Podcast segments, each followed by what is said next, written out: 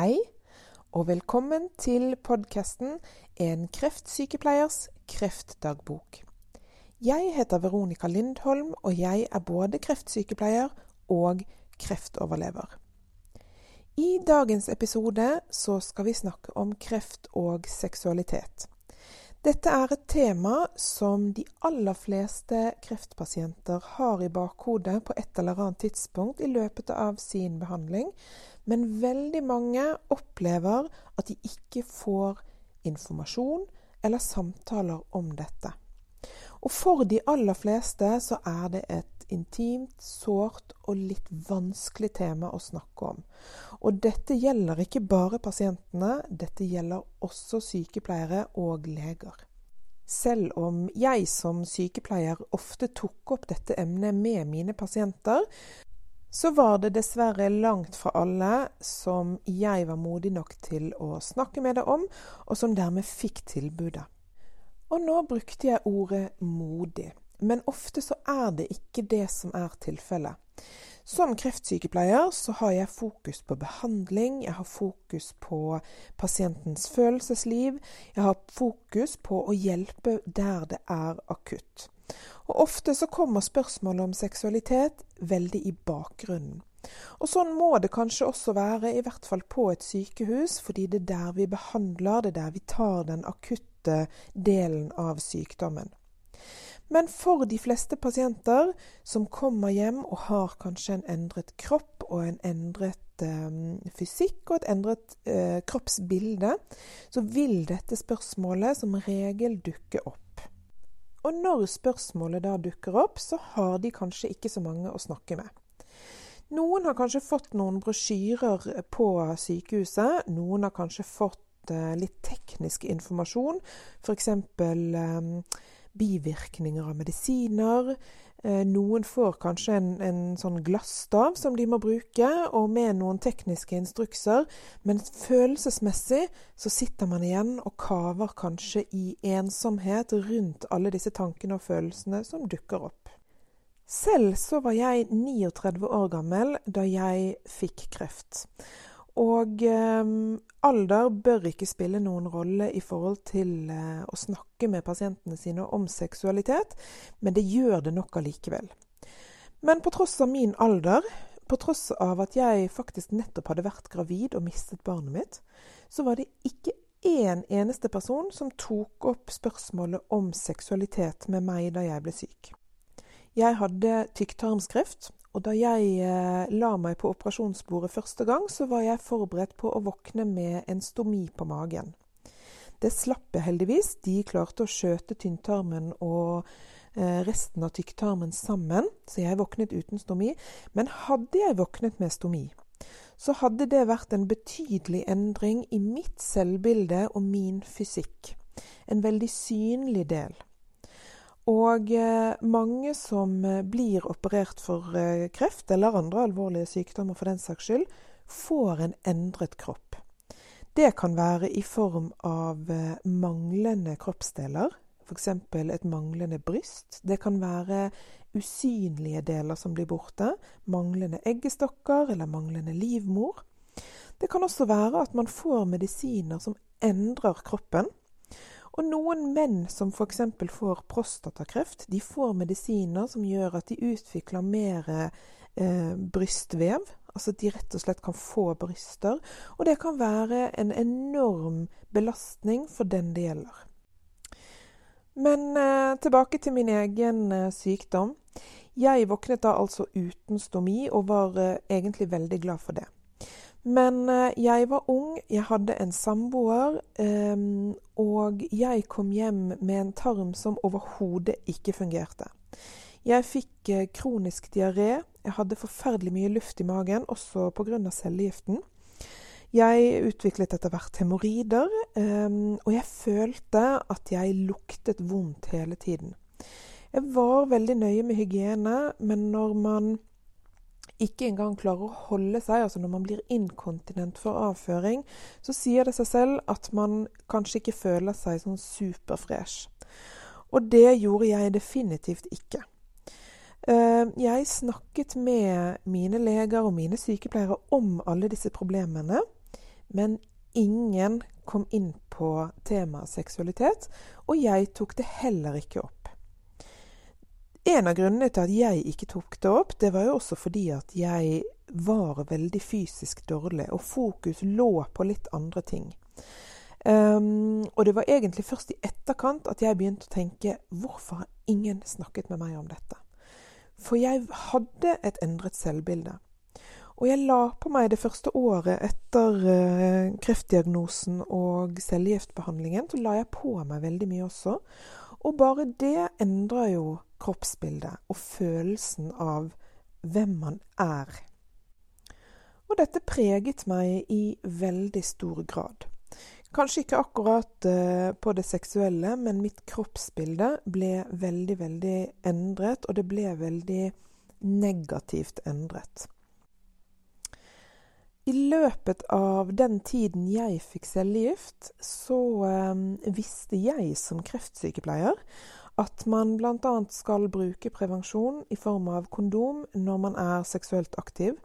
Og dette er fordi at kroppen skiller ut cellegift, eh, som, som, selvfølgelig ikke skal eksponeres til den som ikke er syk.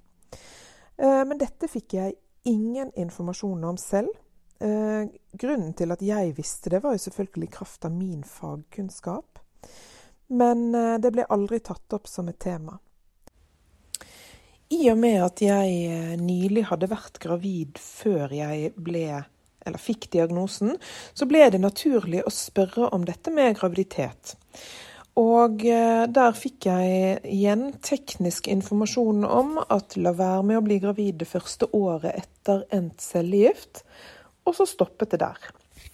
Og dette syns jeg var gjenkjennelig gjennom hele min prosess. Hvis jeg hadde spørsmål rundt noe eh, når det gjaldt seksualitet, så var det teknisk informasjon jeg fikk. Og på mange måter så er det veldig forståelig. For seksualitet, det er et tabuemne. Det er et emne som er for de aller fleste av oss veldig intimt. Det kan føles litt skambelagt å snakke om, og det er noe man deler med den man har aller, aller nærmest. Selv i dagens samfunn hvor vi tøyser og flåser og, og, har en Vi får presentert seksualitet gjennom reklame, gjennom porno, gjennom um, samtaler på en helt annen måte enn det vi fikk før, så er det allikevel tabu når det blir intimt, når det handler om meg og mitt. Og nettopp derfor så blir det også til at sykepleiere og leger de har lært å snakke om dette temaet på en kanskje litt overfladisk og teknisk måte. Og på mange måter så får pasienter informasjon om seksuelle temaer eh, på sykehuset og på behandlingsstedet, men kanskje ikke helt sånn som pasienten ønsker og trenger. For når sykepleieren eller legen tar opp det trygge og det akutte, så er de fleste pasienter i en helt annen mental tilstand. De fleste tenker på det og har en følelse eller noen tanker rundt det som de ikke tør å spørre om. Og mens pasienten sitter og føler seg litt beklemt og kanskje ikke tør å spørre, så vil heller ikke sykepleieren eller legen presse på eller på en måte snoke i pasientens seksualliv. Vi har en respekt som også er viktig og riktig for hverandres intime grenser. I tillegg så har eh, de fleste sykepleiere og leger i dag de har det travelt, eh, og dette vet pasientene. Og eh, som helsepersonell så sitter man eh, kanskje med klokken i bakhodet hele tiden, og vet at hvis man går inn i en dyp samtale, så tar det kanskje mer tid enn man egentlig har. Og pasienten vet dette og føler at de må respektere det, og dermed så blir samtalen kanskje kort, kanskje litt overfladisk, og pasienten klarer ikke å spørre dypt nok. En annen ting er at ofte så er det sykepleierne som står for disse samtalene, og veldig ofte så er sykepleiere unge kvinner. Og hvis man da kommer som mann, og gjerne eldre mann, og skal sitte og snakke med en ung kvinne om det nå det mest intime i sitt liv, så kan det føles veldig ukomfortabelt. Både for sykepleieren og for pasienten, og kanskje da spesielt menn. Og vi har også en um, holdning i samfunnet til at uh, Sex, det er ungt, det er vakkert, det er 18-20-åringer som har. Og så fortrenger man litt at sex og seksualitet, det er to veldig forskjellige ting. Man, man tenker at når man begynner å bli gammel, så har man ikke sex. Og det kan godt hende man ikke har sex, men man har fortsatt en seksualitet. Og det er jo nettopp denne som er viktig å møte som sykepleier eller som lege. Men så kommer vi litt til kort fordi pasienten ofte egentlig trenger en mer følelsesmessig forståelse av de problemene som de opplever. For å forklare et problem overfladisk og teknisk, det er ikke utfordrende. Det er det følelsesmessige som ofte er utfordrende for de aller fleste. Og det opplevde jeg veldig sterkt selv. Jeg fikk beskjed om at jeg ville komme i kunstig overgangsalder pga. cellegiften. Eh, det skjedde da ikke, heldigvis, men, eh, men, det var sånne ting jeg ble informert om. Bivirkninger, hjelpemidler, eh, impotens, medisinsk hjelp. Det er ganske lett å informere om. Og jeg tror og håper at de aller fleste får denne type informasjon. Men det å bli alvorlig syk, det kan være en ensom affære på veldig mange måter. Mange kan føle at de får en, eh, en mild eller en tyngre depresjon. Mange lider av fatigue, uro, angst. Eh, altså behandlingen i seg selv gir problemer. Eh, mange får eh, dårlig selvfølelse og eh, nedsatt allmenntilstand. Kanskje mange får smerter som gjør at man ikke kan gjennomføre f.eks. et samleie. Men alt dette kan jo også gi nedsatt lyst. Og dermed så kan man også gå inn i en sånn dårlig spiral hvor man får dårlig samvittighet overfor partner, og så begynner man å trekke seg tilbake. Og manglende evne til å ta opp dette temaet med sin partner kan nok også prege veldig mange forhold. Og det å være alvorlig syk, det å gjennomgå behandling som er så tung, og så, som påvirker kroppen i så stor grad som kreftbehandling gjør, det kan være ensomt også i forhold til en partner som ikke 100 klarer å sette seg inn i hvordan du som pasient faktisk har det. Og når man ikke blir møtt følelsesmessig av lege eller av sykepleier, og kanskje heller ikke av partner, så kan denne følelsen av å være feil i gåseøyne bli veldig, veldig sterk.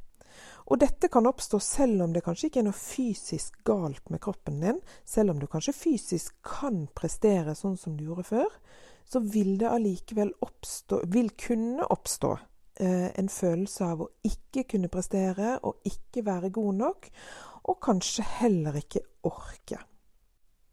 Og det er jo klart at dette legger en enorm tilleggsbelastning på parforholdet. Og partnere til kreftpasienter, er min erfaring, er ofte veldig forståelsesfulle. De strekker seg ofte veldig langt for å få det til å fungere. Mange er veldig innstilt på at nå er ting endret, og at det er greit. Men det at partneren er forståelsesfull, det er ikke det samme som at det er lett. Dette med kreft og seksualitet kan være en belastning for mange gjennom både hele behandlingen, som kan være å strekke seg over flere år. Det kan også være noe som strekker seg videre resten av livet. Og det er klart at når man da kun får teknisk informasjon, så blir det utfordrende for veldig mange par. Og for noen så kan dette med seksualitet bli så vanskelig at det rett og slett gjør at man trekker seg vekk fra hverandre. Man glemmer at en god klem, eh, det å bare ligge ved siden av hverandre, kan være med på å opprettholde intimiteten i parforholdet. Og eh, hvis man når så langt at man begynner å trekke seg helt vekk fra hverandre, så er det kanskje en idé å søke mer profesjonell hjelp. Og det finnes heldigvis hjelp. Fordi den tekniske informasjonen og hjelpen, den kan de aller fleste på et eh, sykehus eller behandlingssted gi. Men det finnes også sexologer som kan hjelpe å bli med inn i den intime, følelsesmessige delen av forholdet også. Og det betyr at de kan veilede, det betyr at de tør å snakke litt dypere om akkurat deg og deres problemer. Og mitt beste råd, det må være å søke hjelp i tide. Når man er syk, når man er i behandling, så er fokus gjerne veldig på det akutte.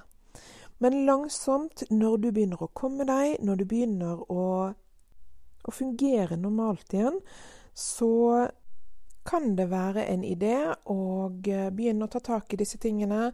Snakk med partneren din, og søk hjelp hvis du trenger det. Kreft og seksualitet, det er et stort tema. Det er et vanskelig tema. Det er et tabubelagt tema. Og det er et tema som ofte tas på overflaten, og der den følelsesmessige informasjonen eh, kanskje ofte uteblir. For meg så ble det å få en kreftsykdom og den behandlingen jeg gikk gjennom, det ble en identitetsendring som eh, kanskje ikke engang er ferdig enda. Nå har det gått to og et halvt år for meg. Um, og dette med identitet, det tar enormt lang tid hvis man blir tvunget til å bygge en ny identitet. Og mange kreftpasienter blir tvunget til nettopp dette, enten følelsesmessig eller fysisk, eller kanskje begge deler. Og man kan ikke forvente at ting skjer over natten. Man kan ikke forvente at dette skal gå helt knirkefritt. I hvert fall så er det sånn for de aller fleste. Selv så har jeg vært gjennom en eh, identitetskrise der jeg har måttet bygge opp mitt både fysiske og følelsesmessige selvbilde helt på nytt. Og i det så ligger selvfølgelig også mitt kroppsbilde. Og min eh, seksuelle identitet ligger selvfølgelig også i det. Da vil jeg eh, til slutt si takk for meg, og takk for at du ville lytte til denne podkasten. Husk at du kan lese mer om meg og hva jeg tilbyr på hjemmesiden min som heter www.frakrefttillkraft.no. Og på Instagram og Facebook under samme navn, altså Fra kreft til kraft. Alle stedene kan du også kjøpe boken 'Milla og skyggeklumpen'. Det er en bok jeg har skrevet sammen med min datter, som handler om barn som pårørende når foreldre får kreft. Send meg også gjerne en mail eller en personlig melding hvis det er et tema du ønsker at jeg skal ta opp. Ha det bra!